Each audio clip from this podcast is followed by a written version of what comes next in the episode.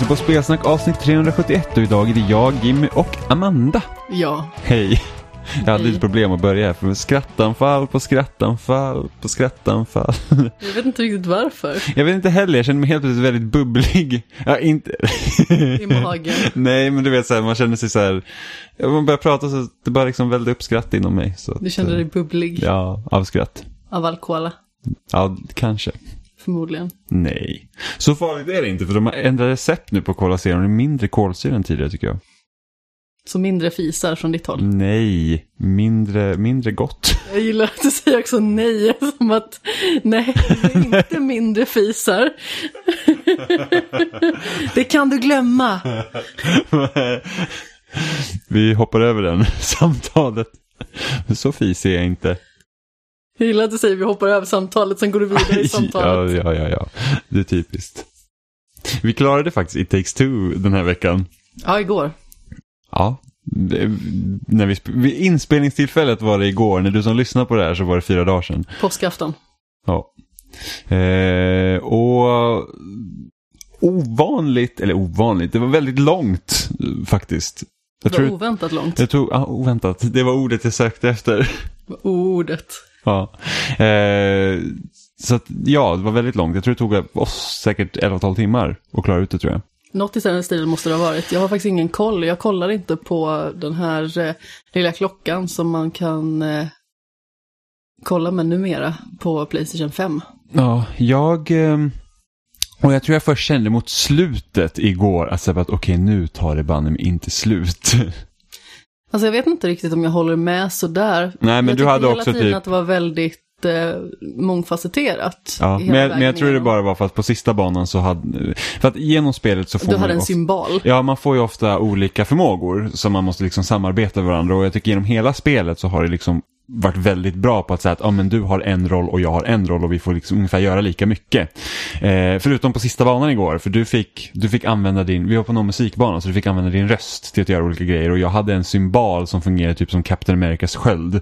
Vilket gjorde att jag gjorde i princip ingenting med den. Alltså det var under väldigt få tillfällen jag behövde vara delaktig i någon av pussellösningarna och då var det liksom också så här att det kändes som man hade slängt in det för att just det, spelare två måste också ha någonting att göra.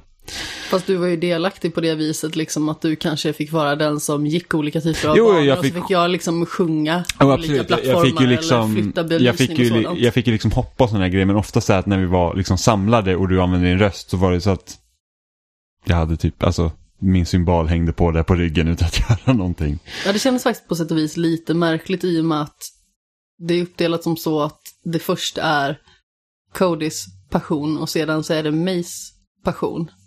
Och det kändes som att det inte var lika mycket fokus på Cody och hans passion när man var i växthuset, kanske mer verbalt, men inte lika mycket liksom symboliskt eller vad man faktiskt fick göra. Mm. Och sen så var det det som jag sa förra veckan var det att om man, om man liksom tänker berättelsemässigt så, var ju, så kändes det ju verkligen som att det här var en en och en halv timme lång film utsträckt på tio timmar. Liksom rent, alltså storymässigt. För att det, det var typ minimal karaktärsutveckling liksom, utveckling förrän liksom man kom till typ slutet. Jag tyckte det var lite synd. Det hade kunnat vara lite tydligare kontraster. Ja, och sen känner jag liksom att man hade kunnat dy- dyka liksom ner så att man faktiskt lära känna de här två karaktärerna mer med tanke på liksom hur surrealistiskt spelet egentligen är. När man liksom besöker olika världar och, och liksom ställen och så. Eh, som miniatyrer som man är. Eh, men annars så det, är liksom, det, det var liksom väldigt straightforward. Och med tanke på vilka spel som studion, eller vilket spel som studion gjorde innan det här med Way Out så var det ju betydligt mer liksom karaktärsdrivet. Och eh, speciellt om man tänker Josef Fares första spel Brothers som liksom helt och hållet där berättelse gick ihop med spelmekaniken på ett sånt bra sätt. Så, så är det faktiskt lite lite besviken över att eh, de inte liksom lyckades knyta ihop det så bra i det här spelet. Men samtidigt så, alltså spelmässigt så är spelet verkligen superroligt. Alltså det var, Ja, det var kanon. för, förutom den här sista banan, eller liksom sista förmågorna som jag fick som, som kändes så här att, eftersom jag spelade Cody då var så att okej men jag känner mig helt plötsligt ganska mycket åsidosatt. Fast jag tyckte inte riktigt att min förmåga, alltså att sjunga, var så himla rolig heller. Nej, nej, men mm, absolut. Jag, jag, kan inte svara för hur du kände när du liksom gjorde dina olika grejer i, i sista banan. Men jag kände verkligen så att okej, okay, men jag, alltså, jag följer med men jag har inte så mycket här att göra. eh, men annars så tycker jag att det var jättebra och, och det här vet jag att vi pratade om också när vi har spelat. Det var att det finns så många olika saker. Alltså man flyger, man skjuter, man har svärd, man simmar, man hoppar man liksom, Det finns så många olika spelmekaniska grejer och ingenting känns dåligt. Nej men precis, alltså, om vi tar de här två delarna som vi pratade om tidigare. Alltså, dels så har vi ju det här växthuset då som eh, framförallt Cody tar hand om eller ja, rättare sagt i det här fallet då, slutat ta hand om. Där finns det ju ganska så många olika saker som man tar sig till. Man får ju dels rida på spindlar, som jag vet att du hatar spindlar och ja. tycker att det känns läskigt och sådär. Men de kändes ju liksom väldigt flytande och lätta, om man säger så, mm. i sitt rörelsemönster. Och sen så fick man rida på grodor. Och även att jag förväntade mig att det skulle kännas väldigt opolitligt att hoppa med den typen av karaktär så kändes det faktiskt väldigt följsamt och mjukt. Och samma sak när vi var på Mays del då, i den här musikdelen. Eh, då fanns det ett segment där man skulle flyga runt med typ raketryggsäck på sig. Mm. Och eh, det kändes ju också jättesmidigt, så det finns ju liksom inget i det här spelet som har känts fumligt på något vis, mm. utan rent spelmekaniskt är det hur bra som helst och vill man ha ett spel att spela ihop med någon så tycker jag att det är verkligen ett kanonlir på alla sätt och vis. Ja, för att risken finns ju alltid när man har så många olika delar. Att det, för att tänker man liksom, det var ju jättevanligt under typ tidigt 2000-tal och även på 90-talet att du hade spel så kunde det komma liksom en så sekvens som var helt frånkopplad från resten av spelet. Så att oh, men nu har du ett race här eller nu ska du göra det här helt plötsligt. Det känns alltid lite sådär.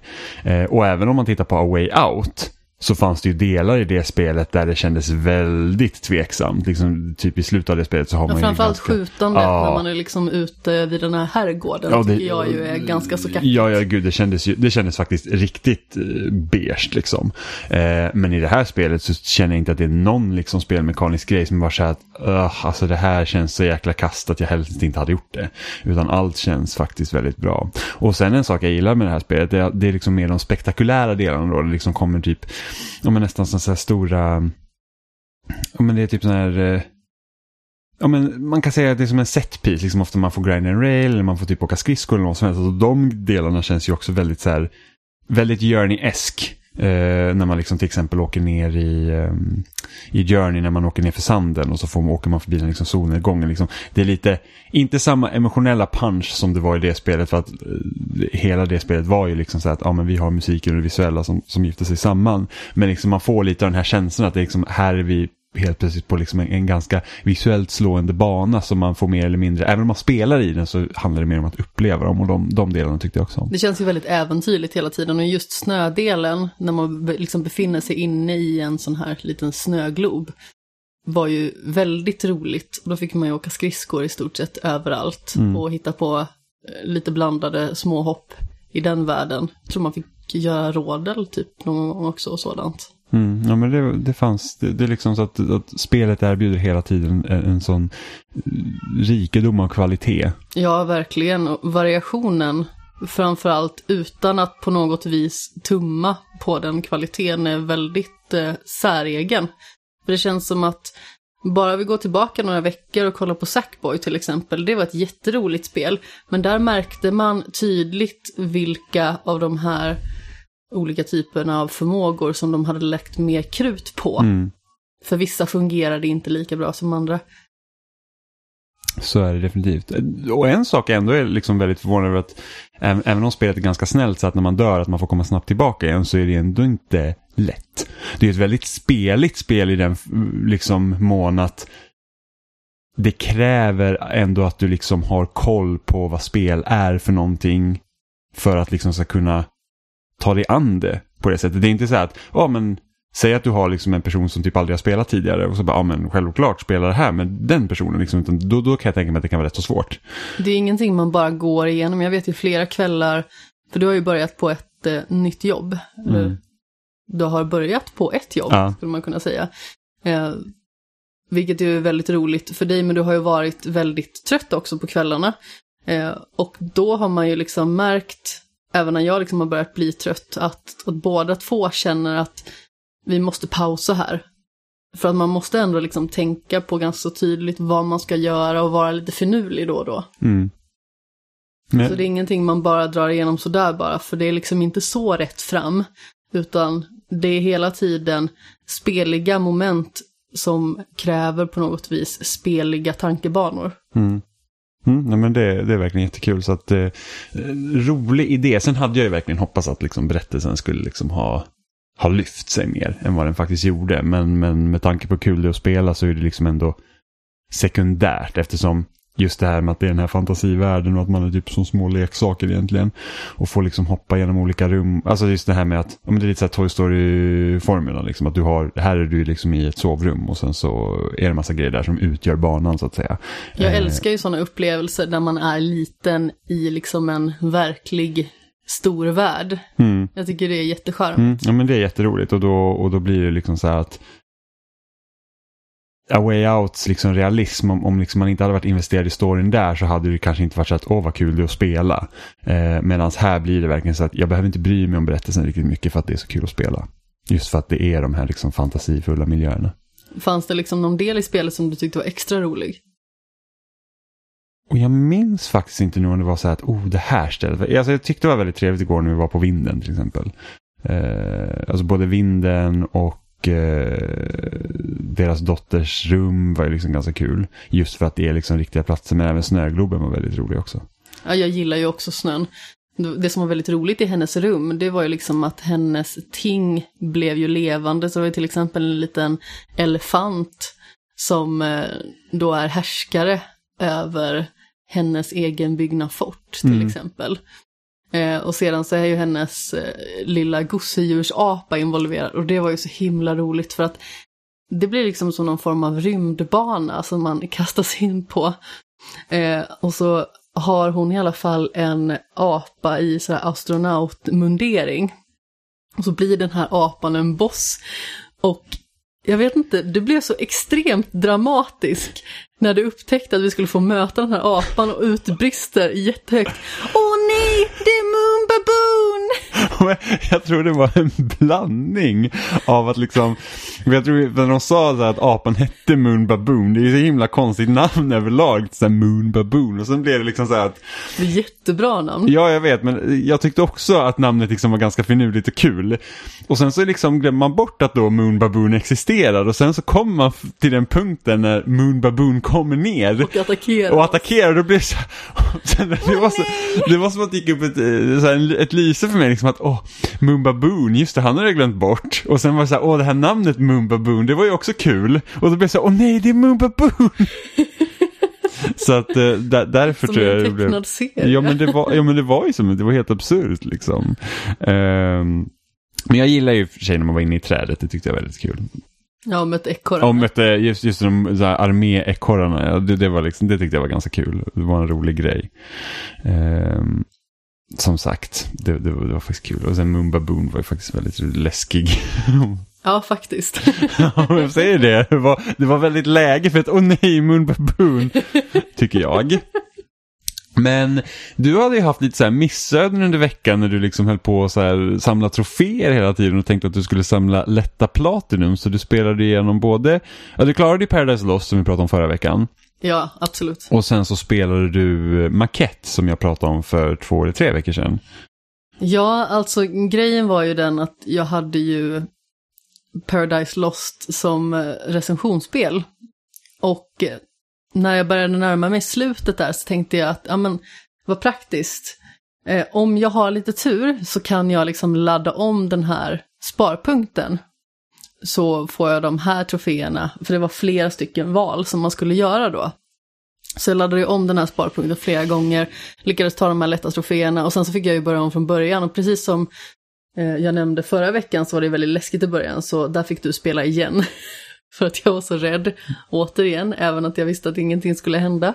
Eh, bara för att där finns liksom ett vägskäl tidigt i början när det är två stycken olika troféer. Eh, och väljer man ena vägen så får man Welcome to Paradise och får man den andra vägen så eh, klickar istället eh, Welcome to Hell. Och då var det Welcome to Hell jag skulle ta, vilket var den sista trofén. Så jag började liksom om spelet från början och eh, det gick ganska så fort att liksom gå igenom det, även att, precis som vi nämnde förra veckan, så går man väldigt långsamt i spelet, vilket är väldigt frustrerande. Men jag kom ganska så fort till den och precis när jag ska gå in där så kommer jag att tänka på, hmm, det är 11 av 12 troféer som jag har tagit. Och det gick det upp ett ljus för mig att, nej, om jag tar den här får jag ändå inte Platinum utan bara 100%. Vilket gjorde mig lite sur för då tänkte jag liksom att ja men nu ska jag ta Platinum i det här. Vilket gjorde mig glad och sedan så blev jag sur. Det jag tycker jag är jättetråkigt med, med troféer på Playstation, det är att alla spel inte har en Platinum. För att du har ju 100% oavsett. Ja men exakt. Och har du fått, liksom, har du tagit alla troféer då tycker jag det liksom borde vara en Platinum. Men Automatiskt. jag har för mig att de de, eh, när det kom till PS3 så var det något så att då fick inte typ digitala spel ha en Platinum utan bara stora AAA-titlar. Det var någonting för att deras liksom så här level-system inte skulle liksom då rubbas. Jaha, jag vet jag Vilket ändå- 100% av det där Actual Sunlight Ja. också på PS Vita någon gång och blev lite förvånad över att det inte fanns någon Platinum Ja, med det. men det är liksom också så här, jag är lite bullshit för att det finns liksom spel som är superlätta att ta Platinum i så det spelar liksom ingen roll. Nej men eh, exakt, deras alltså majoriteten parametrar. av Telltale-spel är ju sådana. Och sedan så finns det ändå flera av de här Walking Dead-spelen som inte har någon Platinum Mm. utan bara 100%. Så jag kommer liksom inte ihåg exakt vad, och jag tror att reglerna för det idag är ju nog bara så här att nej men vi ska ha en Platinum så sätter man bara in en Platinum. Men jag vet inte säkert men jag tycker fortfarande det är dumt. Jag tyckte det var lite roligt också då i alla fall för att då kände jag mig lite snuvad på en Platinum. Och jag vet ju att du hade spelat Makette och jag hade ju liksom sett dig spela och jag såg att det var ganska så kort. Och även att jag kände mig mätt på det här vandringssimulator tjoflöjtet så kände jag ändå att ja, men det är tillräckligt eh, simpelt att ta sig igenom det här och så kanske ta en Platinum då i och med att det inte är så himla långt. Och eh, visst, det är pussellösningar och sånt, men jag tänkte att men jag använder mig av en guide i alla fall. Eh, och gjorde så. Och eh, plöjde spelet. Och när jag har tagit den sista världen och eh, gjort det absolut sista i spelet så upptäcker jag att jag har bara klarat sådär 60% eller någonting sånt. Eller jag tror 69 kanske det var. Då upptäcker jag att då finns det ju för fasen troféer som går ut på att man ska göra det här på kort tid. Mm. Så speedrun-troféer i ett pusselspel i ett vandringssimulatorläge i stort sett. Eh, Så då fick jag ingen Platinum där heller. Jag kände inte tillräckligt mana att spela om det för att göra det snabbare. Nej, alltså som sagt, det var ju mer en grej sådär att jag bara kände att, ja men, det här kan vara en lätt Platinum. Och så blev jag snuvad på den också. Så jag har fortfarande inte tagit någon Platinum den här veckan. Fruktansvärt. Ja, det är Ja. ett hårt liv att vara jag. Alltså, det är inte precis som att jag är någon form av så här platinumjägare på något vis. Men det är alltid kul om man lyckas ta en. Det är samma sak med Fall Guys. Jag har ju legat på 89 och nu 91 procent ganska så länge. Och jag kommer ju förmodligen aldrig få den där Platinum-trofén, men det hade ju varit väldigt roligt. Och det är ju bara den här vinna fem episoder i rad som jag ska göra, men det är jättesvårt. Det är jättesvårt och det, blir, och det har blivit svårare Mm. sen spelet var nytt. Alltså jag har inte vunnit liksom en match utanför skådläget sen den nya säsongen kom. Jag hade mina förhoppningar om att ta den här vinsten i snösäsongen. Men jag kom till två vinster och nästan tre. Mm. Och sen tog det stopp. Det är, det är verkligen jättesvårt. Alltså jag är så himla nöjd när jag klarade det. Det var ju verkligen så Ja. att jag hade inte ens, alltså jag trodde inte att det skulle gå, men det, det gick. Till slut. Ja, både du och Stefan klarade det lätt som en dans. Mm. Men det var ju som, som utvecklare, de trodde så att ja, men det kanske, alltså, kanske är så här 0,1 procent eller något sånt som kommer få den här trofén. Kanske ingen, liksom, för att det, de, de ansåg att det är för slumpmässigt i matcherna för att man liksom ska kunna känna sig säker att kunna liksom vinna fem matcher i rad. Eh, men det är ju flera stycken som har gjort det. Och sen så tror jag att det finns liksom typ ett hack. Så att om man liksom om säger att du har vunnit en gång, eh, en match liksom. Och sen så kommer du då till match två och sen så förlorar du. Eller liksom du märker så att ah, jag kommer inte vinna det här. Då quittar man innan spelet registrerar att du har förlorat. Då är, då är det som att du börjar om. Du får ju liksom inte någon rank eller de här kudos-valutan när, när du quittar på det sättet. Men du får fortfarande liksom hålla din vinst så att säga. Men när man har spelat så länge som vi har gjort, då behöver man knappast ha det, känner man. Utan det är ju mest att det är roligt att spela och vinna. Ja, Och jag- gå upp liksom i nivåerna. Jag hoppas ju sen att när spelet kommer till fler plattformar att de kör något så här eh, delat kontosystem. Så att jag kan typ, när det kommer till Xbox kan jag ladda ner det på Xbox Starter och få alla achievements. Skurkaktigt. det, det hade varit kul. Så var det ju med, så var det ju med Destiny 2 när Ja, de har delat på det. Så det var så här att, Eh, alltså, jag gill, första Destiny tycker jag inte speciellt mycket om och sen eh, Destiny 2 spelade vi en del och det var ganska kul när vi var typ sex personer och körde de här raidsen och så. Så, så det har jag haft väldigt kul med. Eh, och så var det Oliver så här, ah, men kan du inte spela Destiny 2 med mig och Adam? Jag tror inte det finns crossplay än mellan plattformar, det ska komma. Och jag var så här, äh, men jag vet inte om jag vill, jag vet inte om jag vill liksom börja om på Xbox och sådär. Eh, han bara, man kan föra över karaktären och jag bara, ah, jo jag vet, men det är så här att, ja, jag vet inte. Han bara, man får alla achievements som man har tagit. Eller liksom de troféerna du har tagit på PS2, de, eller på PS4, de får direkt Då på... började du gnida fingret. Och jag var så, åh, och det var ju skitnice. Man så här, laddade ner Destiny 2, startade Destiny 2, så man bling, bling, bling. Man bara, yes, här fick jag 700G utan att göra något speciellt. Riktigt skurkaktigt. Och det var ju samma sak med Spider-Man på PS5. Ja, det har jag i och för sig också Eh, gjort. när ja. man liksom startar Miles Morales bara förde över alla sparfiler så fick man Platinum. Så jag har Platinum för Spider-Man Remaster och jag har Platinum för Miles Morales. Så jag typ startade de spelen i typ en minut styck. Ja. Liksom. Jag har Miles Morales var- Platinum gånger två. Lite jobbigt var det dock att PS5 man automatiskt hade så att vid varje trofé så får man spara ett foto och ett videoklipp. Vilket gjorde att det var så här att jag hade då 50 stycken foton och videoklipp på Spider-Man Remastered när man sitter i menyn. Ja, Det var liksom- exakt likadana Och man var så här, ja. mhm, så att jag har ju stängt av de grejerna för att jag behöver liksom, alltså det tråkiga är ju, alltså jag kan förstå idén med det här att ah, varje gång du får en Platinum så tar liksom spelet antingen då en videoklipp eller ett foto liksom för att så här, ah, vi, sp- vi sparar liksom den här stunden när du gjorde den här grejen. Problemet är ju det att ett, vissa troféer och sånt vill man ju alltså det är så här bara bajs. Var, varför skulle jag liksom vilja spara typ att jag har liksom typ startat spelet i princip.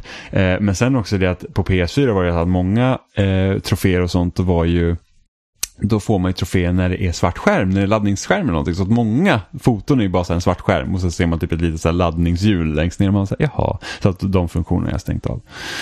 Ja, jag borde nog också göra det. Men det finns ganska roligt, alltså typ eh, Xbox One hade ju så att med Kinecten i början, det att den, den kunde ju också så här spara videoklipp när det hände liksom vissa speciella eh, grejer i spelen. Eh, så att, och det här är också berättat förut, men typ Alien Isolation så sparade ni ett videoklipp första gången du träffade på Alien och dog av den. Och man kan verkligen se hur rädd jag var när man hör Alien skrika, för det är typ så här, eh, det, ja, man är i en rymdstation, så obviously så är man i en rymdstation. Eh, men så gick jag så öppnade någon dörr och så hör man det där skriket och så är det liksom en korridor, en sån här fyrvägskorridor så att man har höger, vänster och sen rakt fram.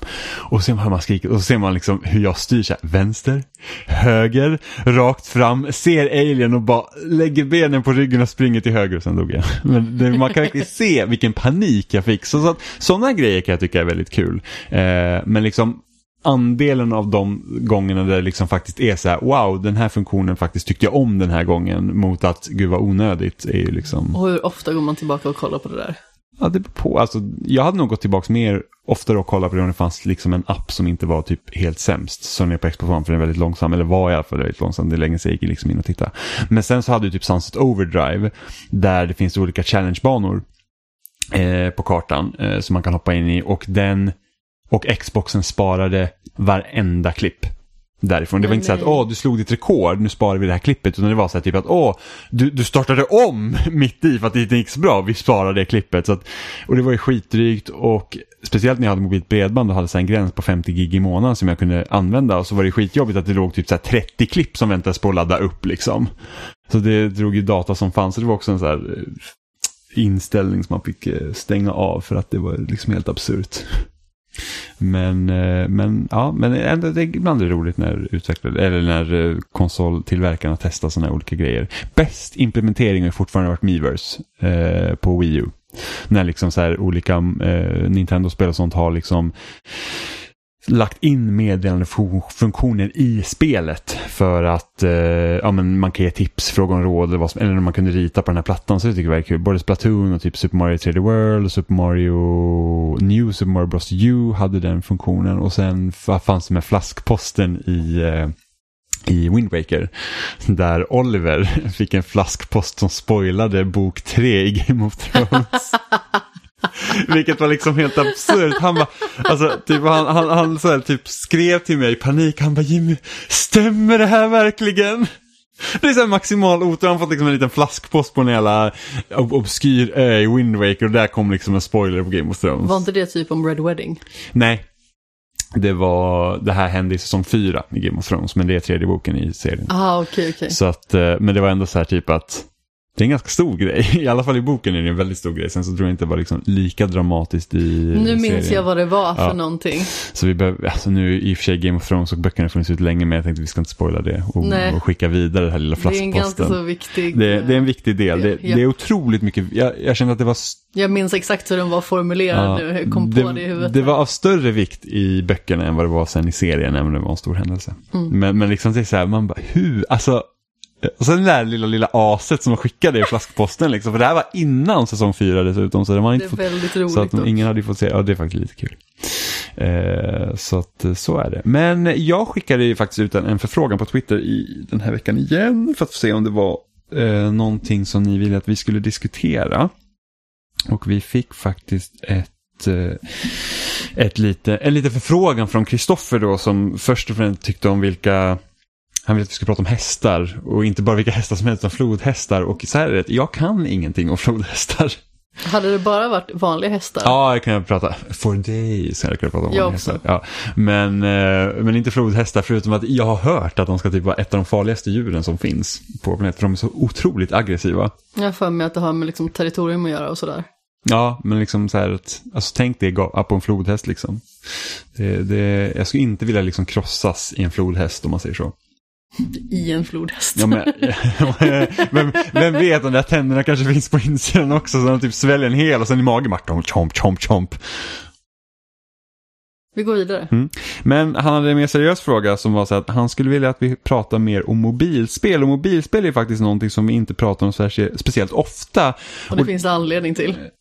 Ja, men anledningen är inte det att jag tycker att mobilspel är tråkigt, det är bara att jag använder mobilen till andra saker. Och sen när jag är ute på resande fot så brukar inte jag vilja spela, utan då brukar jag liksom så passa på att göra saker som jag inte gör när jag är hemma. Jag Typ- menar snarare att anledningen var att vi spelar nästan aldrig mobilspel. Fast vi spelar ju ändå, alltså seriöst så spelar jag ändå rätt så mycket mobilspel. Va? Jag spelar väldigt mycket threes. Hett, hett tips är jämt. Det är typ så här att, ja men nu är det lite tråkigt men jag vill liksom, för att jag kan spela medan jag lyssnar på Är podd det bara när du är på toa då? Nej, utan det kan vara så här när jag väntar på dig på gymmet, ibland har det varit... andra ord är när jag inte är med då. Ja, du då förstår jag. Ja, För jag precis, har typ aldrig sett ja, dig nej, nej, spela det, det, det. det, det är när du inte är med så brukar jag faktiskt spela threes. Och eh, om man inte vet vad threes är så det är liksom ett, man ska säga, det, det är ett pusselspel där man parar ihop siffror. Så du parar ihop liksom... Ja, jag har ju sett dig spela det någon så gång. du parar ihop treor med varandra så att de blir eh, sexor och så kan sexorna paras ihop med varandra och så blir de eh, tolvor tror jag. Ja, om det dubbleras borde det bli 12. Ja, jag tror det. Så sen så, och, sen så, 24. och sen så ibland kan man få in så här typ eh, nummer som ett och två så ska man para ihop för att bli treor. Men man parar i alla fall ihop det så ska man försöka få så höga valörer som möjligt och du har ett bräde på tre gånger tre tror jag. Eh, ett av de bästa mobilspelen som finns, det är så bra. Eh, men det var inte, vi spelar också mycket Wordfeud tillsammans. Gör vi Ja, men det gör vi så, så det gör vi. Så att, Vi har ofta typ så här tre matcher igång samtidigt. ja, jag vet och du är betydligt mycket bättre på, på alfabet än vad jag är. Eh, Betydligt mycket skulle jag ändå säga. Alltså det, så här, jag drar ofta undan i början. Jag, jag brukar ligga väldigt bra till i början och sen mot slutet så fallerar allting för mig och så går du om och vinner. jag sitter ofta och skurkar på något långt ord. Ja, jag vet. Det värsta är, det, det roligaste är att jag vet ju när du sitter och skurkar. Det är så här att, ja, nu passade Amanda. Då bara, nu vet jag att hon sitter med något jävla imba-ord där som hon vill liksom lägga. Och då, då försöker man liksom vara så att, då vill man inte lägga en sträng av bokstäver så det finns en öppning. Då kanske man lägger ett T någonstans eller ett S någonstans. Att du liksom, och det roligaste är att du, du ger ju det inte heller. Du ska ju sitta och lägga ut det här liksom. Så här, jag börjar typ leda med så här 150 poäng för att du har typ passat i 10 runder bara för att du vill lägga det där jäkla ordet. Det är ju gången jag har förlorat på grund av det här också. Ja, jag vet. Å andra sidan har jag vunnit så många fler gånger. Ja, när det kommer, fast det är ofta Så det känns ju liksom. ändå bra i statistiken. Ja, så- alltså- jag kan offra en gång roliga- bara för att få lägga det här långa Och det ordet. roligaste är så sitter du där inne på toan och sen så hör man helt plötsligt så här, och så får man upp en så här notifikation på mobilen och så bara, mm, här sitter kryckor på 69 poäng och man säger bara, jaha, det var ju bajs. Å andra sidan hör man från andra delen av lägenheten. Nej, fy fan vad äckligt. Ja, men det är ju äckligt. Det är, det är, det är fullkomligt faktiskt vidrigt. Ehm, Eller så hör man bara svin. Ja. Men vi, vi spelar inte så mycket mobilspel. Med det sagt så finns det ju otroligt många kvalitativa mobilspel. För du har ju liksom Alltså det finns så här GTA, Bioshock, alla de spelen finns också på mobil och de rekommenderar man ju ändå att spela på en konsol som har en kontroll. Eh, Fire Emblem Heroes kan man spela däremot, det finns inte på någon konsol. Nej, det gör. Nintendo har ju ett par. Eh, De har ju Animal Crossing Pocket Camp som jag absolut inte tyckte om. Eh, för jag kände att det här tar liksom alla så här. Det, det som jag verkligen inte gillar med mobilspel. Eh, Fire Emblem Heroes har jag inte testat. Så att vad, hur, alltså, hur skiljer sig Fire Emblem Heroes mot Fire Emblem på eh, bärbara konsoler slash konsoler? Alltså det är ju mycket mer minimerat skulle man kunna säga, men det finns, finns ganska så mycket banor ändå. Mm, du har, det, men det är fortfarande liksom, du har dina hjältar som du springer runt med och kör Precis. liksom strategiska stri- strider med då. Jajamän, det stämmer. Men sen så, hur, alltså, ja, det finns väl något samlargrejs i spelet? Jag minns inte exakt, det var några år sedan jag spelade det nu. Så jag kommer inte ihåg det så jätteväl, utan det var mer en sån här grej som jag bara gjorde när jag hade någon minut över. Okej. Men man jag antar att man samlar hjältar med kort? Jag kommer inte ihåg. Okay. Eh, sen så finns ju Mario Kart, Tor finns som jag vet att många tycker om, men jag, jag tycker, alltså, Jag har inte hört någon som tycker om det, jag tycker att jag hör folk bara tycker men det är väl det är typ- skit. Jag kan väl tänka mig att det är liksom de här, så här super hardcore Mario Kart-mupparna som jag själv tillhör. Eh, jag tycker inte om att styra liksom bilspel med på en touchskärm när man liksom har en, en, en, en, så digital liksom styrspak. Eh, utan det kräver ju liksom att jag vill ju ha liksom riktiga spakar. Sen så finns det ju ganska bra kontroller till mobil. Eh, så jag vet ju inte riktigt. Och jag tror att även iPhone nu för tiden och iPads eh, kan eh, koppla upp eh, kontroller med Bluetooth. Eh, så att då borde nya Xbox-kontroller funka och även ehm, Sonys DualShock 4 och kanske DualShock 5 också fungera med telefoner. Eh, och sen så finns det ju betydligt, mm, alltså många tredjepartskontroller också som funkar eh, såklart. Det finns ett väldigt bra spel som heter Hold Down också. Där man ska liksom skjuta olika typer av himlakroppar. Och så kan man få fler skott. Och eh, de kan komma liksom mer frekvent. Och sen så eh, hittar man liksom olika vinklar för att sikta in sig på de här himlakropparna. mm. Alltså det är väldigt simpelt. Det är liksom små block. Där det till exempel står 17. Och då ska man träffa det 17 gånger liksom. Mm. Eh, och då kan ju de här små bollarna då studsa emellan. Till slut så kommer man till exempel till månen eller vad det nu kan vara, en planet Mm. och så vidare. Det är faktiskt väldigt tillfredsställande och väldigt roligt. Ja, Jag har ju, alltså om man vill ha riktigt, riktigt bra mobilspel så tycker jag absolut att man ska kolla på Simogos hela eh, repertoar. För att de har liksom, alltså har ju, först har vi Sayonara Wild Heart som släpptes förra året och som också finns på konsol. Men jag skulle verkligen kunna tänka mig att det Ja, fungerar lika 2019. Ja, för, ja, precis. 2020 existerar inte för mig. Eh, men du har... ehm, 2020, du är död för mig. så att, så att där har ju, det, det fungerar förmodligen lika bra liksom på en, på en eh, skärm som det gör Säkert. på, på eh, konsol. Och sen, men deras tidigare spel, liksom Yearwalk är skitbra. Eh, du har, eh, mitt, mitt favoritspel som de har gjort är ju, gud vad heter det nu då? Nu har jag. Device 6. Device 6, precis. Eh, som är liksom som en visuell novell där du använder din telefon liksom till att då såklart lösa eh, pussel. olika, Men, men liksom texten är formad på ett sånt sätt så att du verkligen kan visualisera hur det ser ut när du liksom rör dig genom världen. Så att går du upp för en trappa då kommer texten forma sig som en trappa. Och, det är liksom, och du vrider och vänder på den här telefonen liksom för att, för att liksom kunna då läsa och lösa pussel. Så jag tycker att det, det visar verkligen hur den studion förstår formatet så himla bra och gör verkligen till en upplevelse att spela på mobil. Det är inte bara så att vi tar, vi tar ett vanligt spel och så släpper vi in på en telefon. Utan det är verkligen så att, hmm, vad kan vi göra med den här liksom eh, manicken för att du faktiskt ska kunna ha liksom kul när du spelar. Ja, alltså Sayonara Wild Hearts är ett av mina absoluta favoritspel någonsin. Så det borde man definitivt spela, för att det är verkligen fantastiskt. Jag vet inte riktigt om det gör sig bättre på konsol eller på mobil. Eh, Jag har spelat det några gånger på Playstation. Men jag tycker ju liksom att eh, om man bara har en mobil till sitt förfogande eller att man kanske vill spela mer mobilt för att man kanske pendlar mycket eller så, så är det verkligen ultimat. Mm. Men det finns ju på alla de stora plattformarna liksom. Mm.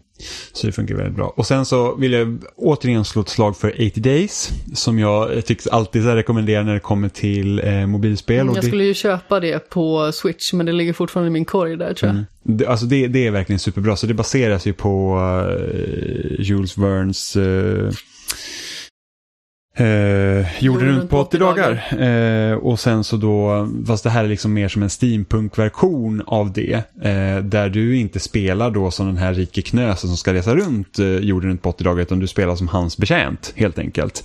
Eh, och under resans gång så får du liksom träffa på en massa olika människor som har liksom sina egna sidohistorier. Och eftersom man inte åker samma väg varje gång så liksom varje spelomgång kan ju liksom vara då unik. Eh, och det går mycket ut på så att du liksom får hålla koll på tiden och kalendern, så här, vilka avgångar går vilken dag, vad är klockan, du får liksom utforska städerna för att leta efter olika grejer du behöver, du får liksom kan göra små jobb där du tjänar pengar så att du faktiskt har råd liksom, att köpa olika saker. Och du, du, spelet kan ju faktiskt ta slut med tanke på att du kan faktiskt dö i princip. Så att helt plötsligt kan du kanske hamna i Sibirien och du har oj, inga vinterkläder, det blir lite kallt, så hej då. Hårt liv.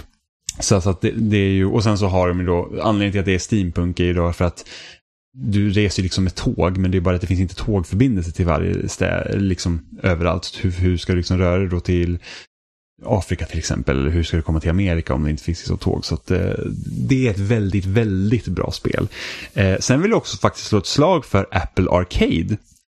Om man har en iPhone och det är ju det liksom Apples prenumerationstjänst där de har då spel som kommer till eh, som man, man, måste prenumerera. Det, det är väl liksom lite det som är tråkigt att de här spelen finns på eh, App Store men du kan inte köpa dem. Du måste ha en prenumeration. Eh, och där liksom, What the Golf finns som ett jättebra, liksom roligt. Otroligt eh, roligt och knasigt. Ja, knasigt golfspel där du inte bara golfar med eh, golfbollar utan helt, alltså du ska liksom slå golfbollen, klara banan och helt plötsligt kanske slå iväg dig själv istället för då är du bollen eller så kanske din golfklubba är bollen. Och det, det är liksom, det, det, det, det är ett galet spel helt enkelt som, som kan ge väldigt många liksom, underhållningstimmar. Jag har skrivit en recension på det här också på loading så vill man läsa mer mm. om det så finns det en eh, text som beskriver ganska bra vad dessa knasigheter mm. är för någonting. Och sen så finns eh, en av mina personliga favoriter på eh, plattformen det är Grindstone som även finns på Switch nu för tiden. Och det är utvecklat av Capybara Games. Som även har gjort Below tror jag det spelet de gjorde till och sen Super Time Force och nu minns inte jag vilket spel de är mest känt för. Eh, men de, de, är i alla fall liksom, de har funnits ett tag och de, de liksom gör jätte, jättebra spel. Um, och Grindstone, då liksom ska man... Det är typ ett match tre spel men liksom inte bara att du matchar ihop tre utan du, du liksom matchar olika eh, liknande monster för att liksom klara banorna. Just det, de har ju gjort The Might and Magic Clash of Heroes också som är riktigt bra. Det finns mobilt men... Ja, det är de som har gjort Sword and Sorcery också. Ja, tydligen. Mm, Super, Super Brothers Sword and Sorcery som är typ, det är ett av de första liksom, eh, riktiga hitten som kom på eh, App Store. Okej. Okay. Eh, men jag tycker verkligen att man borde spela Might and Magic Clash of Heroes, men kanske då på PC eller på 3DS. Jag tyckte att det funkade mm. bättre, eller DS är det väl snarare mm. som det kom till. Eh, jag bara tyckte så här, jag känner igen Capybara Games väldigt mm. väl. Capybara är väldigt märkliga djur för övrigt. Vad har de gjort för spel? Får jag se? Ja, det får du. Tack, jag tog precis din telefon. Jag vet. Eh, och det är Super Brothers Sword and Sorcery de är mest kända för. Ja, precis. Eh, och sen så är det ju faktiskt så att eh, förra veckan då, från att vi spelade in, eller från att ni lyssnar på det här, så kom det faktiskt ett spel från Final Fantasy-skaparen. Med hans eh, studio, och, som heter Fantation. Som är då ett RPG och det, det är liksom exklusivt då till Apple Arcade för tillfället. Jag vet inte om det kommer komma till andra plattformar, jag hoppas det för att det jag kan inte säga om spelet är bra eller inte, men det ser helt fantastiskt ut för att alla miljöer i spelet är eh, ihopbyggda dioraman. Som de har byggt upp och skannat in till spelet. Så att varenda liksom hus, träd, allting, det är, liksom, det, det är ett fysiskt objekt som har skapats för spelet. Eh, så det ser ju helt fantastiskt ut. Eh, så det skulle jag vilja spela. Så jag har varit lite sugen på att ska jag starta min eh, Apple Arcade subscription igen så att jag kan spela det här spelet. Men så att, ah, kanske inte riktigt just nu och det kanske kommer liksom till Switch i framtiden. Det vet jag inte. Eh, jag hoppas ju på det för att det ser, det ser helt bedårande ut. Sen så tror jag att det följer de vanliga liksom JRPG-tropen att eh, huvudkaraktären har fått minnesförlust och det är någon eh, magisk flicka som ska räddas och världen håller på Gunder och ladila. Men... Och där har man beskrivit liksom varje Final Fantasy-spel. Ja, nästan. Det, det väl var lite, men, men liksom, om man tänker sig att ett JRPG liksom, från vem som helst så är det typ det. Jo, jag vet. Jag är bara lite retfull. Ja. Eh, men, men alltså, go, alltså om, om, ni, om ni liksom är sugen på att ha något JRPG på mobilen och känner liksom så här att hmm, det hade varit ganska kul att testa. Så googla Fantation och se hur det ser ut. Se, och sen kan ni liksom titta på någon trailer då, för det finns ju också, för att det är liksom alltså det är så snyggt. Sen så ser ju liksom karaktärerna, för de är ju 3D-modellerade, liksom ser ut som så här anime-karaktärer. Och det ser väl ut så att de sticker väl ut lite i den här världen. Men, men liksom, omgivningarna är liksom, oh, gud vad snygga de är. Eh, så det var lite vad vi hade om säga om mobilspel. Det, det är inte så ofta jag sätter mig mobilen och spelar just för att när jag är på resande fot så tycker jag ju om att göra, typ läsa eller liksom göra andra saker som jag inte, som jag inte gör hemma. Oftast så sätter jag mig och spelar mobilspel om det är så att jag är sugen på att spela men att jag har glömt switchen hemma eller min PS Vita hemma. Mm. Men eh, vi har ju liksom äntligen tagit tag i det här projektet som vi nu har pratat om i några avsnitt och det är att vi har eh, börjat spela Ratchet Clank. Eh, efter att jag fick typ panikköpa trilogin på PS3 för att jag, jag, jag bara sa åh nej, de kommer stänga ner storen så att nu, nu måste jag ta tag i det. Så köpte jag faktiskt eh, HD-trilogin och, och vi började faktiskt spela igår. Eller ja, lördags då. Ja, jag började ju spela i juli. Ja, du började ju liksom tidigare, men, men liksom, du har haft det på, vad ska man säga, du har haft det på sparlåga då ända fram tills nu. För nu Det var ska en vi ju... väldigt, väldigt långsamt döende låga. Ja, för nu, nu så ska vi liksom ta tag i, i Ratchet Clank. Och jag har ju spelat remaken som vi har pratat om tidigare. Du har spelat Future-trilogin plus remaken tidigare, men du har inte spelat... Ja, jag har eh, spelat de här eh, märkliga mellanspelen också. Ja, men- Future... eh, vad säger man? Tetralogin. Det är ju fyra spel. Ja, men jag tror att du har Future-trilogin så har du tre spel och sen så Into the Nexus är efter Future-trilogin. Ja, det räknas inte Jag, alltså. jag vet, jag är inte helt säker, men jag har sett att de säger Future-trilogin plus Into the Nexus. Så att eh, visst, Vilka är de här dom du pratar om? alltså när man googlar på serien. För jag, jag Okej. fick ju, eftersom inte spelen heter Ratchet Clank 1, 2, 3, 4, 5, 6, 7 så behövde jag se liksom vilka, vilken ordning man ska Ja. ta i. För att jag tror att i Japan så heter spelen Ratchet Clank Future någonting. Eh, Och jag tror inte att Into the Nexus ingår där. Eh, Det är mycket möjligt. men, eh, men så, så att vi har spelat första Ratchet Clank och jag hade ju spelat det spelet lite i alla fall när jag köpte en PS2 eh, 2007, 2008 där. Jag köpte det typ för en 50-lapp också. När jag eh, köpte en eh, Playstation 1 och en Playstation 2 för typ en 100-lapp på loppis. Men jag har ju aldrig kopplat i dem. Vil- vil- Vilket, vilket, vilket kap. Japp, Eh, så, men det så, fanns inga sladdar till. Och de visste inte vilka sladdar det var till. ja, men jag, jag, jag undrar om inte typ att alla Playstation-konsoler har typ samma strömkabel. Det var väldigt märkligt i alla fall. För när jag hade gått en liten bit ifrån det här ståndet, för de la ner det liksom i en påse, upptäckte jag bara så här, det saknas lite grejer. Och då hade de myglat undan lite grejer som de skulle kunna sälja då. Bara så här, det finns ju ingen handkontroll till det här, sa jag då liksom sen. Och de bara, nej men den, då får du betala extra för den. Bara så här, alltså allvarligt talat. Så här man- kan ni ju inte göra, vad är det för skit? Då får man ju liksom vara väldigt eh, liksom så här. Klar med Ja, men så här, att här har vi konsolen kostar det här, vill du ha kontroll med så kostar det här, vill du ha sladd med kostar det här. Jag tror att de bara försökte skurka sig för att de kom på förmodligen att det här är väldigt billigt Ja, för liksom de här. Jag bara så här, jag gör inte det. Jag bara, ah, Okej, här då, här har du handkontrollerna. Nedrans skurkar. ja det var väldigt skurkigt. Eh, men, För jag, för jag sa ju liksom det, bara, får jag inte handkontrollerna med, då vill jag ha mina pengar tillbaka. Alltså, Ja, det var ju ja. inte mycket pengar för mig eh, så, men det verkar väl som att de var i behov av dem. Så, eh, ja, ja, ja, men vad ska du göra med en Playstation utan att ha någonting till liksom?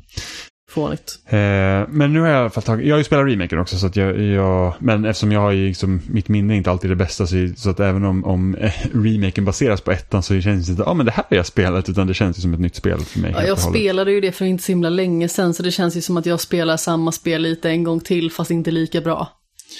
Ja, jag tror ju dock att eh, originalet har lite fler planeter än vad remaken Ja, så har. är det säkert. Alltså jag har ju inte spelat eh, liksom originalspelet så mycket tidigare. Utan du kom ju liksom ikapp mig igår, Ja. i stort sett efter ett tag. Så eh, vi är ju ganska så nära varandra Mm. i eh, berättelsen. Du kom ju förbi mig ett tag när jag satt och var förbannad väldigt länge. Ja, men du spelar ju på vita.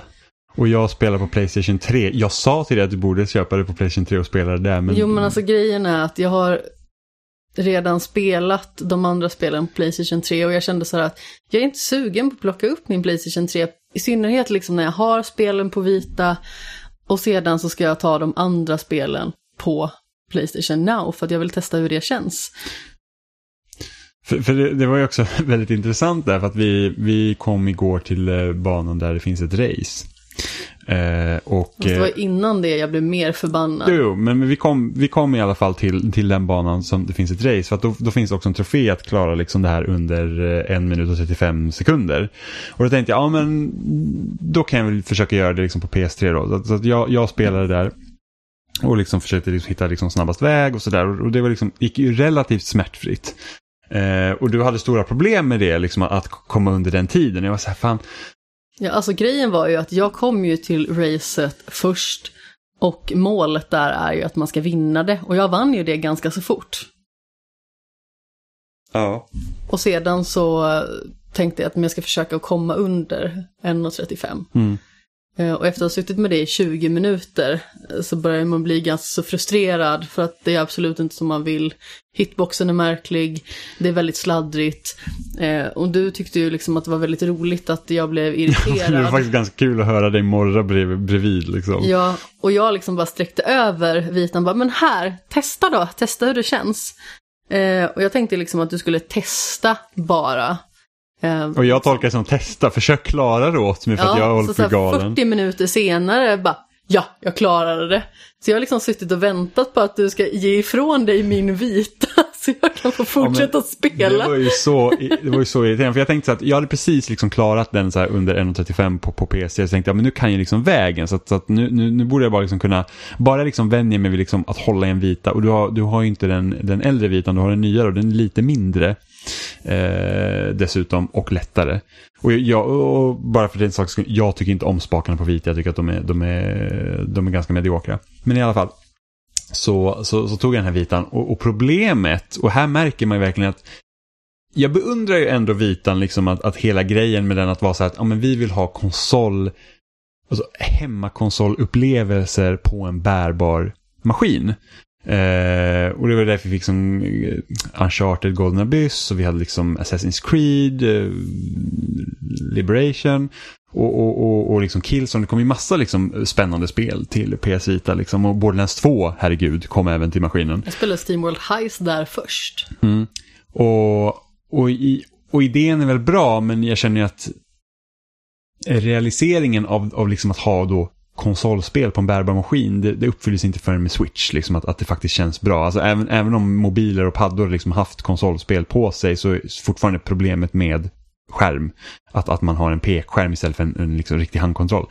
Eh, men i alla fall, liksom Ratchet Clank finns både på PS3 och eh, PS Vita då. Och det är bara att bilduppdateringen är så pass kass på PS Vita att det gör ju spelet att det blir svårt. För att med bättre bilduppdatering så blir också kontrollen mer responsiv. Att det är liksom så att när tiden från att du trycker på knappen och att spelet reagerar är kortare när du har bättre bilduppdatering än när, när det är sämre då.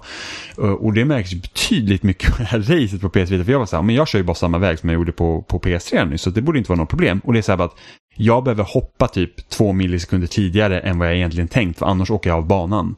Eller när man måste liksom uh, åka runt de här olika liksom bomblådorna som finns på banan så att man liksom eh, får dem på sig och liksom stannar till.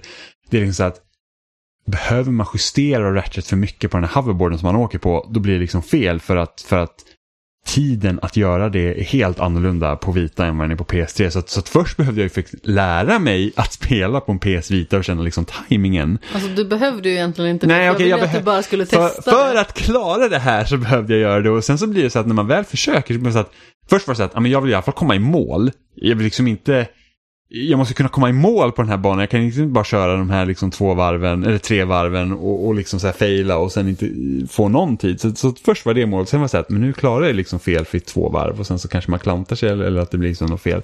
Och sen så blir det så att jag blir så envis att jag bara, jag måste klara det här nu. Det finns inget annat på kartan. Och jag Satt och sippade på min Red Bull istället och bara pillade naveludd under den tiden. Men jag klarade det. Men jag trodde först att du ville att jag liksom klarade det åt dig. För att du var så irriterad på spelet. Ja, fast jag var inte så irriterad då. Det var liksom mer så här, jag var lite uppgiven för jag ville väldigt gärna ha den trofén. Men jag kände ändå sådär att, ja men jag skulle kunna skippa det. Det jag var mer förbannad på, det var tidigare i banan. för att jag måste ha råkat ut för någon bugg eller något, något sådant för att grejen är att man kan gå åt två olika håll i den här banan. Ena hållet som man går, då kommer man till Captain Quark. Och andra hållet som man går kommer man till det här racet då i slutändan. Eh, och jag sprang igenom den här race-delen då, alltså när man ska till det. Eh, och då i alla fall så finns det ett ställe där det ska vara en sparpunkt och där när jag dog fick jag ladda om flera gånger. Vilket ändå känns ganska så rimligt även att det är fortfarande ganska så långt. Och det är väldigt långt att springa igenom hela den här sekvensen och klara det utan att dö. Plus att man liksom har ju bara fyra sådana här livpluppar. Så i alla fall så tänkte jag att jag skulle spara på banan. Då tänkte jag att om jag dör nu och laddar om, ja men då börjar jag ju på samma ställe där jag sparade. Då ser jag introsekvensen till den här planeten, där jag liksom åker ner på ön igen, eller ja, jo, den här lilla ön. Um, och då helt enkelt få börja om banan helt från början. Utan att några fiender är döda överhuvudtaget. Och det är kanske så det funkade. Men problemet var att när jag kom till det andra stället då, där jag hade haft en checkpoint tidigare, då fick inte jag den. Så jag, när jag dog var jag tvungen att springa om hela banan igen. Och sen så vägrade Ratchet helt plötsligt att hoppa. Och jag blev argare och argare och jag fick också väldigt lågt blodsocker samtidigt. Ehm, så till slut så tog vi liksom en paus för att laga mat. För att jag var så, så uttömd på energi och så förbannad så jag visste liksom inte vad jag skulle ta vägen. Jag var verkligen så här rosenrasande. Ehm, och Ratchet gjorde inte alls som jag ville. Och landade hela tiden i vattnet och sen så typ när jag kom upp till eh, det är liksom en sån här taxi då som man åker mellan platserna. Så den här sparpunkten hade liksom kommit då efter den taxin, den första av två. Um, då skulle jag hoppa på den taxin och då trillade Ratchet ner i vattnet och då var det nära liksom att vitan höll på att flyga iväg rakt ut genom fönstret för att då kände jag bara så att nej, det här köper liksom inte jag. Då tänkte jag så här, Jimmy får spela det här själv, jag börjar på Ratchet Clank 2 istället. För då var jag, alltså, jag var så förbannad verkligen. Det ska bli väldigt intressant att se hur serien utvecklar sig redan med liksom ja. spel 2. Eh, för att när jag spelade Jack and Dexter, eh, den samlingen också som finns på PS3, jag tror den finns på PS4 också, eller om det är PS2-versionen av spelen som finns på PS4. Eh, men i alla fall, så det var ju då att, att, att, att gå från Jack and Daxter till Jack 2 var väldigt stort. Alltså det, det skedde en väldigt stort hopp liksom mellan de två spelen. Och jag hoppas att det känns liksom likadant med Ratchet Clank. Nu tycker jag ju att Ratchet Clank, alltså det, det, det, liksom, visst det är ett gammalt spel men det funkar ju fortfarande liksom att spela. Ja, ja, alltså det är inte eh, ospelbart. Det, det är ju lite så här typ att ja men det är typ en shooter likspel men du liksom kan inte sikta som du liksom med båda stickorna som man är van vid. Eh, det är lite dumt unlock-system och kameran är liksom bökig som den är ofta ja. på plattformsspel. Men alltså det är lite fumligt, det är oresponsivt och det märks ju att det är gammalt men det är inte ospelbart. Nej.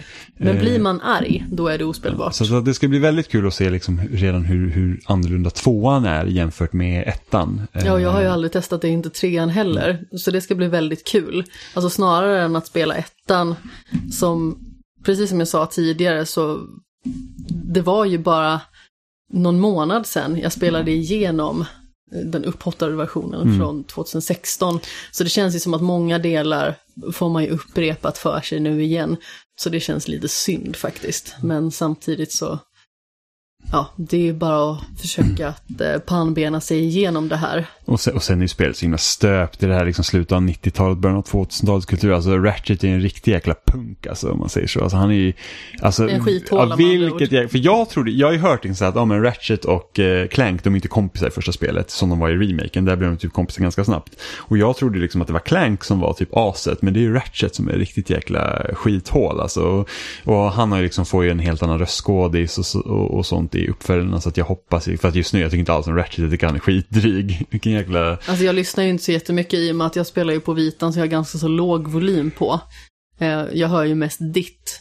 Och eh, ja men som sagt, han är ganska så otrevlig jag ser fram emot när de byter röst för han låter så himla skitnödig. Ja, men det, det är liksom så här, det, det, det känns ty, tydligt sån här attitydproblemet karaktärer skulle ha liksom vid den här tidpunkten. Det är samma sak, tittar man på Jack and Daxter till exempel, så första spelet då kan inte Jack prata utan då är det bara Dexter som är liksom rösten då. Och, och, och, och Dexter är typ den här åsnan från Shrek typ karaktären. eh, liksom pratar, pladdrar på som fan. Eh, och sen i Jack 2 så ändrar liksom serien helt ton. Så första spelet är typ som en Super Mario 64-klon. Medan tvåan är GTA istället. Och Jack blir ju liksom den här typ väldigt så här, stöddiga tonåringen. Liksom och så här, typ, har sin lilla liksom, soul patch i skägget. Och liksom har en mm. dark version av sig själv. Och det är liksom så här typ väldigt så här edgy. Eh, som det var typ på den här liksom, eh, alltså till och med om man tänker då så här Cool trademark. Ja, men lite så. Om man tittar, och sen kan man till exempel se uppföljaren till DuckTales i liksom då Disney-sfären var i Quackpack. När, to, när knattarna hade blivit tonåringar och skulle vara liksom väldigt coola. Liksom. Så, att, eh, så att det, det, ska bli kul att se hur den här serien utvecklar sig. För att det, det är ju en väldigt stor skillnad i hur man liksom berättar i spel liksom från början av 2000-talet liksom i den här typen av spel till liksom hur Ratchet Clank Rift Apart kommer se ut. Eh, så, det, så det ska bli väldigt spännande. Så jag ser faktiskt fram emot att spela liksom hela serien och, och jag har ju, även om spelet är gammalt så är det väldigt roligt med det ändå. Jag ser framförallt fram emot att få spela om A Crack in Time. För att det är ju ett av mina favoritspel. Jag tycker ju att eh, Ratchet Clank från 2016 kanske slår det lite åt sidan. För att jag tycker att eh, det känns väldigt fulländat på något vis. Mm. Ja, men jag hörde att Crack in Time ska typ vara det bästa Ratchet Clank. Mm. Alltså folk älskar verkligen det.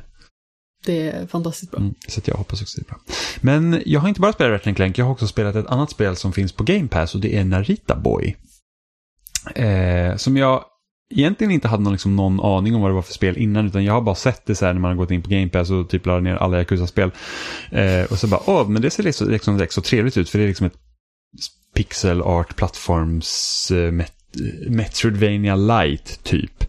Eh, Retroflörtspel. Ja, men precis. Det är väldigt retroaktigt. Eh, och det, faktum är att det kickstartades för flera år sedan. Så att eh, på den tiden när liksom varje Kickstarter-spel fick typ en stor nyhet. Så att, eh, och nu har det kommit ut då. Eh, och jag måste faktiskt säga att det, det var ett väldigt, väldigt bra spel. Eh, så det, det som har hänt då är att det finns en spelkonsol som heter Narita One och till det spelet så finns det ett spel som heter Narita Boy. Eh, och eh, skaparen till både maskinen och spelet har fått minnesförlust och risken finns att han då kommer radera spelet. Så ditt jobb då som Narita Boy är att rädda eller att hitta då skaparens minnen så att säga så att han inte raderar spelet. Och det är liksom hela eh, premissen. Eh, och sen så då, då genom spelets gång så får man liksom då veta varför liksom Narita One skapades från första början. Så att man går liksom igenom då skaparens minnen liksom och ser vad det är för person. Och det är rätt så intressant liksom den vinkeln spelet tar för det liksom visar det här att det liksom går igenom så här, hur, varför skapar människor konst? Jo, det kan vara för liksom att hantera trauman. Liksom, vi behöver sätt att uttrycka oss för att liksom kunna eh, helt enkelt processa liksom en själv egentligen. Kanalisera känslor ja, och skapa någonting utifrån det. Så, så det är liksom jättespännande liksom att spelet tar utgångspunkt i det och sen så då, alltså alla karaktärer liksom i spelet som man träffar på har liksom någon form av koppling då till skaparen för att det är så vi är. Alltså all, all, allt som man skapar liksom tar ju utgångspunkt antingen från folk man känner eller från en själv, från egna liksom eh, livshändelser. Sen så tycker jag liksom att det är lite tråkigt att spelet liksom gång på gång flörtar lite med typ memkulturen. Liksom med tanke på att det, den har en så pass allvarlig ingång egentligen så är det lite så här typ att om när folk liksom säger ditt namn så är det så här Åh, Narita boy och typ så här liksom Det är liksom lite smålöjligt emellanåt och det, det liksom kan vara lite larvigt emellanåt. Eh, vilket jag tycker är lite synd för jag hade liksom gärna haft att liksom det hade kunnat liksom ta sig lite mer seriöst tycker jag. Eh, när man reser då genom då som det kallas the digital kingdom. För det är liksom så här, det, eftersom det då blandar eh, verklighet då med den här fiktiva världen så blir det liksom lite den här Tron-grejen eh, också. Eh, så så det, det, är rätt så kul. Men, men det är liksom ett 2D-pixelspel då så att säga. Eh, och det är otroligt snyggt. Alltså jag typ tog screenshots hela tiden och jag har liksom även en Twitter-tråd där jag liksom har sett, att ah, men liksom det här spelet ser så jävla fantastiskt snyggt ut för det är, det, det är liksom, det är format som att du skulle spela det på ett analogt medium. Eh, för att det utspelar sig på 80-talet spelet också så du får ju se liksom att det är kassettband och det är liksom eh, analog teknologi helt enkelt. Och även då den här Narita One-konsolen är ju liksom, alltså det, det hela utspelar sig på 80-talet såklart. Och även liksom filtret då på på själva skärmen. Det ser ut som du spelar på en tjock-tv. Så att du har liksom, det är inte den här platta skärmen vi är vana idag. Utan det är mer den här, liksom så här glasskärmen, den liksom simulerar den här utbuktningen som finns eh, på, på gamla tv-apparater helt enkelt. Eh, så, så att det, det, gör ju att spelet får en väldigt säregen stil också. Eh, och spelmässigt tycker jag liksom att, att, när man har väl kommit in i det så funkar det helt okej. Okay. Eh, I början kände jag så att, jag kommer ihåg du frågade, men vad tycker du om spelet? Jag, bara, jag vet inte riktigt, jag kände inte riktigt för det. För att plattformar i spelet är ju typ det, det, det svagaste. Det är liksom så att det är lite opolitligt, man kan inte riktigt vara säker på hur man flyger helt och hållet. Det liksom känns inte solklart alltid när man hoppar på smala plattformar och sånt, även om det inte finns jättemycket sånt i spelet. Det finns var ett tillfälle där det, är så här, det spikar i taket, det spikar i, eh, på golvet, så då måste man hoppa och dasha så att man hamnar liksom emellan. Och det var så svårt att liksom avgöra, okej, okay, när ska jag hoppa? Hur kraftigt ska jag hoppa liksom för att tajma det korrekt? Eh, för minsta lilla misslyckande så faller du liksom ner på spikarna och så förlorar du liv. Eh, men sen då under spelets gång, så att jag sa att det var ett Metroidvania light, så att du har ju liksom inte en hel värld du kan utforska som du vill. Men varje bana som du kommer in på är inte helt linjär, utan du kan gå åt olika vägar. Ofta är det bara två, höger eller vänster och sen så får man liksom gå in i olika dörrar. Och sen så gäller det att du hittar liksom då sådana här, um, oh, vad heter det nu på svenska? Eh, disketter som då är nycklar för att låsa upp olika dörrar. Och då kan det vara så att du hittar en diskett på en del av banan och då behöver du gå tillbaka till ett annat ställe du varit vid tidigare. Så att, så att du får liksom försöka komma ihåg hur banorna är strukturerade, vilket är lite svårt för mig för att jag har världens sämsta lokalsinne. Och det finns ingen karta i spelet, så ibland var det så att jag kommer inte ihåg vart jag ska. Eh, så då får man liksom försöka då eh, helt enkelt treva sig tillbaka och hitta då. Det, är, det låter mer komplicerat när jag förklarar än vad det faktiskt är, för att det, det är inte så. Det var inte så att jag liksom, jag gick i timmar för jag hittade inte vart jag skulle, utan det är liksom det är ganska straightforward. Men det var ändå ganska stor skillnad, för jag vet jag lämnade ju hemmet när du fortfarande var lite purken på hur det kändes. Och så kom jag tillbaka, liksom senare på kvällen. Och då var du helt plötsligt lite mer optimistisk till hur det kändes. Oh, I och med att ja. du hade fått mer förmågor och sådär. Ja, man fick mer förmågor. För att striderna är ganska kul så att du liksom har eh, du har ju då ett tricolor sword som det heter som man liksom eh, svär genom fiender och, och det finns ganska många olika fiendetyper i spelet och varje fiende måste ju liksom besegras på olika sätt så man måste hela tiden tänka på vad man ska göra.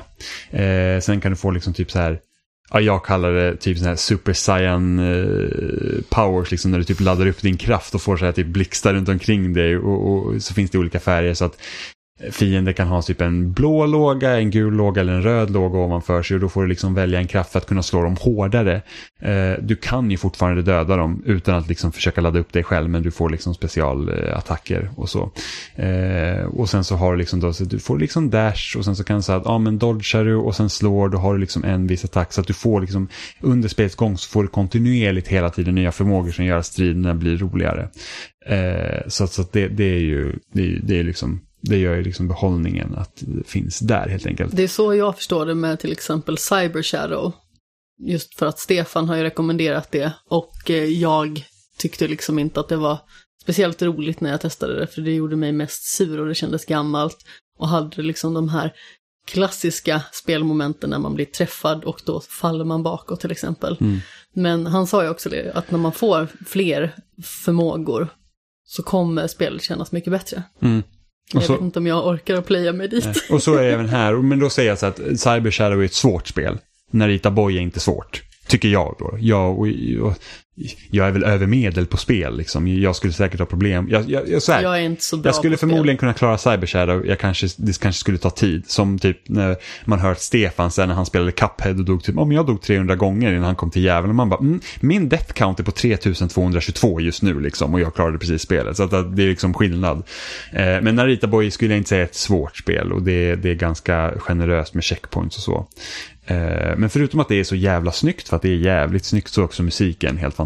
Det är liksom så här typiska liksom synt eh, från 80-talet och sen blandade den lite mer modernare sounds också. Liksom, det fanns ett, ett ställe i spelet där man, eh, där man fick rida då på en robothäst liksom, och då, då, då för man liksom, ja nu kommer hästsamtalet in här. Eh, men eh, då får man liksom höra, liksom, då hör man tydligt inspirationen liksom, från gamla västernfilmer. Och, och så att det är liksom, det leker ju, det, det, det blir ju lite den här eh, dissonansen med att den liksom leker med många olika stilar och har det väldigt allvarliga med att den här liksom eh, skaparen då har liksom skapat spelet på grund av att han liksom eh, hanterar sitt eget trauma och sen har det här liksom mem-generationsskämten och sen så kommer lite här lite vilda västern och beroende liksom på vart man är i spelet. Liksom det hämtar inspiration från väldigt mycket andra saker.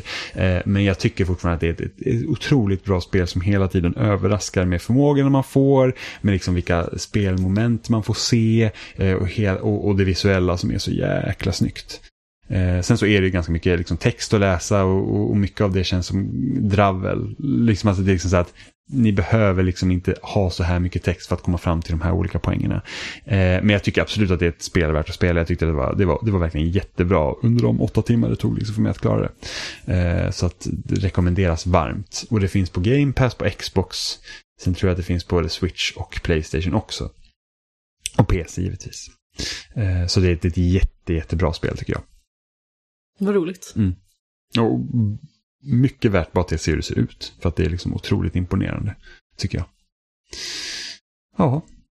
Men det var allt jag hade spelat för den här veckan. Och jag tror inte att du hade spelat något annat heller. Nej, jag har ju spelat eh, samma som du i mångt och mycket. Jag har spelat i Takes Two, jag har spelat Ratchet. Sedan så spelade jag ju Maquette och eh, Ja, Paradise Lost klarar jag lite tidigare mm. än så. Sen ska vi försöka spela Disco Elysium nu när det har kommit till konsol också. Mm. Eh, jag hade planerat först att spela den här veckan och sen så bara, men kan inte vi spela tillsammans? Så det ska vi spela tillsammans. Eh, så det ska bli väldigt spännande för det har jag sett fram emot att spela sen det släpptes. Ja men samma här. Bara det att jag har velat kunna spela det på Playstation 5 äh, mm. blir det ju i det här ja, fallet då. Precis, eh, så att det ska vi försöka, jag vet inte om vi kommer spela till nästa vecka men det ska vi försöka hinna med i alla fall. Ja nästa vecka blir nog lite tajt. Ja, eh, och sen har jag hört att PS5-versionen är väldigt buggig just nu. Mm. så det kanske också är bra att man kanske får vänta någon vecka eller två innan man ger, ger sig in i det spelet. Ja men precis. Det har ju efterfrågats eh, en recensionskod. Mm. Så jag väntar och ser hur det blir med det och annars kommer jag ju köpa det oavsett. För jag vill ju jättegärna spela det. Mm. Annars blir det ju mer Ratchet. Mm. Som är, det är jätteroligt. Ja, alltså jag tycker också att det är ganska roligt. Det är bara det att jag blir lite förgrymmad ibland. Ja, jo. lite förgrymmad. Du var ganska väldigt mycket förgrymmad igår. Ja, jo, jag vet. Det var liksom man, det var nästan som man fick springa ut ur lägenheten för att det började Nej. flyga kontroller och kastrullock och helt plötsligt kom en katt vinandes. Det här bara, stämmer absolut inte. Jag fångade Nemo i luften för att rädda honom mot en ond bråd död. Nej, Vad så, hände nu? Så var det inte. Nej, jag huttade iväg vitan. jag tror du skulle säga jag huttade iväg Nemo. Vad säger jag? Jag huttade iväg han lite, det var inte så Nej, allvarligt. Nej, det skulle jag aldrig göra. Nej, Nemo klarade sig. Ja, det gjorde han. Mm, och skulle han huttas iväg så i alla fall han landa. landar mjukt. Ja, han landar mjukt, ja. Men eh, det var allt vi hade för den här veckan. Eh, och ni hittar oss som vanligt på spelsnack.com. Ni Kung, Kung Pom. Ni hittar som vanligt på spelsnack.com. Där hittar ni också länkar till alla ställen vi finns. Eh, lyssnar du på podcast via en podcast-app då är vi finns sannoliken där som Spotify, Apple Podcast, RSS-flöden, Google Play. Ni kan lyssna oss på överallt. Vi finns även på YouTube. Vi läggs också upp på loading.se varje vecka som en egen tråd. Där kan ni kommentera om ni vill och vi fick faktiskt en kommentar förra veckan från PP12 tror jag den heter. Någonting sånt. Jag har inte kollat upp. Eh, som, tyckte, som höll med i det vi hade sagt förra veckan. Så det var kul. Eh, ni kan också mejla till oss på kontaktetspelsnack.com eller byta ut kontakt mot våra förnamn som Amanda eller Jimmy eftersom det är vi numera som eh, kuskar runt den här podcasten tills Oliver har flyttat klart och Johan har eh, eh kommit in i sin papparoll. Eh, ja, och det var det. Måste bara säga att en gång så tyckte jag att det lät som att Johan, när han skulle avsluta, sa spelsnack pung kom. Så jag kan inte ohöra det numera. Så surfa in på spelsnack.com så hittar ni allt ni behöver veta om vår podcast så hörs vi igen om en vecka. Okay. Hej då! Puss i